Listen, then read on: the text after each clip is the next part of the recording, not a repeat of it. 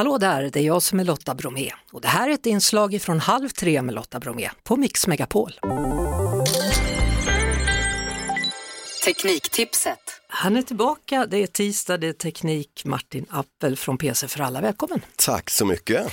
Hörru du, på torsdag den 6 oktober så utses Nobelpristagaren i litteratur och hans eller hennes böcker brukar ju snabbt bli utlånade då på biblioteken och säljas slut i butikerna. Men då är ett bra alternativ att läsa en e-bok istället. Precis, för då kan man ju ofta få tag i även sådana här populära böcker och E-böcker är ju egentligen inte så det är jättekomplicerat. Det är egentligen bara en, en digital fil där man läser texten till en bok fast man läser det på skärmen istället. Så du kan läsa det i mobiltelefonen eller i datorn eller i surfplattan. Det jag måste säga att jag gillar allra bäst det är att läsa de här e-böckerna på en speciell e-boksläsare eller läsplatta som det också heter. Jag är ju sådär otroligt gammaldags så jag gillar ju det här med att vända blad men kan man få en bättre känsla kanske i en sån då än om man sitter på datorn Abs eller mobilen? Absolut, nej men ja. så är det. För just den här läsplattan, e-boksläsaren, den har känslan av en pappers sida. Det känns verkligen som man läser på papper. Det låter lite fånigt, det är svårt att förklara i radio, men när man tittar på det så känns det som om det är papper. Du kan läsa i starkt solljus, för precis som på papper så vill den ha mycket ljus. Och du får ju inte riktigt den här bläddringskänslan, men du kan faktiskt svepa med fingret över skärmen. Så mm. då blir det nästan Lotta som att du kan bläddra mellan två sidor. Ja. Drar den mycket ström då, måste man fråga i dessa tider? Nej, det där är också en av fördelarna att den är väldigt mycket mer batterisnål än en mobiltelefon eller vanlig surfplatta. Så du kan läsa i flera veckor utan att behöva ladda och du kanske inte sparar så mycket pengar från elprisperspektiv men det är en fördel när du är ute och reser att du inte behöver ladda hela tiden. Mm. Den här plattan då, är det som en iPad typ eller är den mycket mindre? Eller? Den är mycket mindre, den är typ stor som en pocketbok mycket tunnare och väger som men typ en stor chokladkaka, ungefär lika tunn. Så den är lätt att ta med sig. Dyr, billig?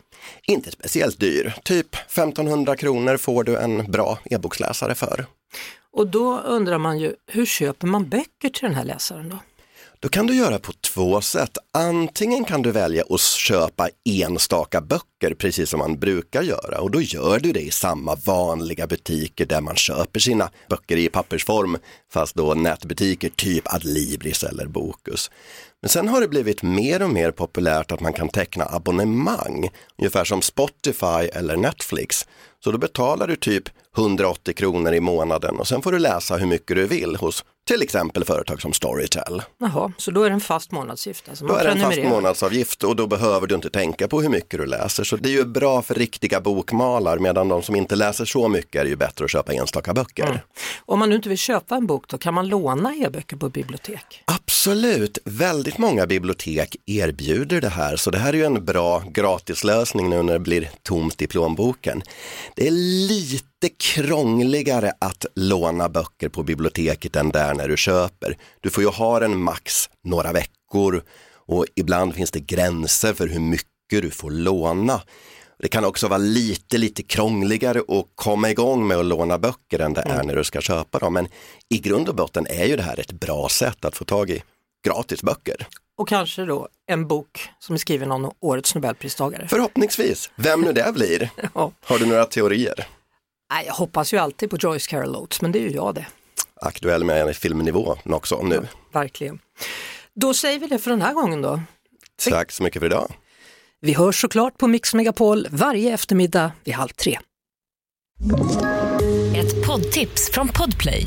I fallen jag aldrig glömmer djupdyker Hasse Aro i arbetet bakom några av Sveriges mest uppseendeväckande brottsutredningar går vi in med hemlig telefonavlyssning och, och då upplever vi att vi får en total förändring av hans beteende. Vad är det som händer nu? Vem är det som läcker? Och så säger han att jag är kriminell, jag har varit kriminell i hela mitt liv men att mörda ett barn, där går min gräns. Nya säsongen av Fallen jag aldrig glömmer på Podplay.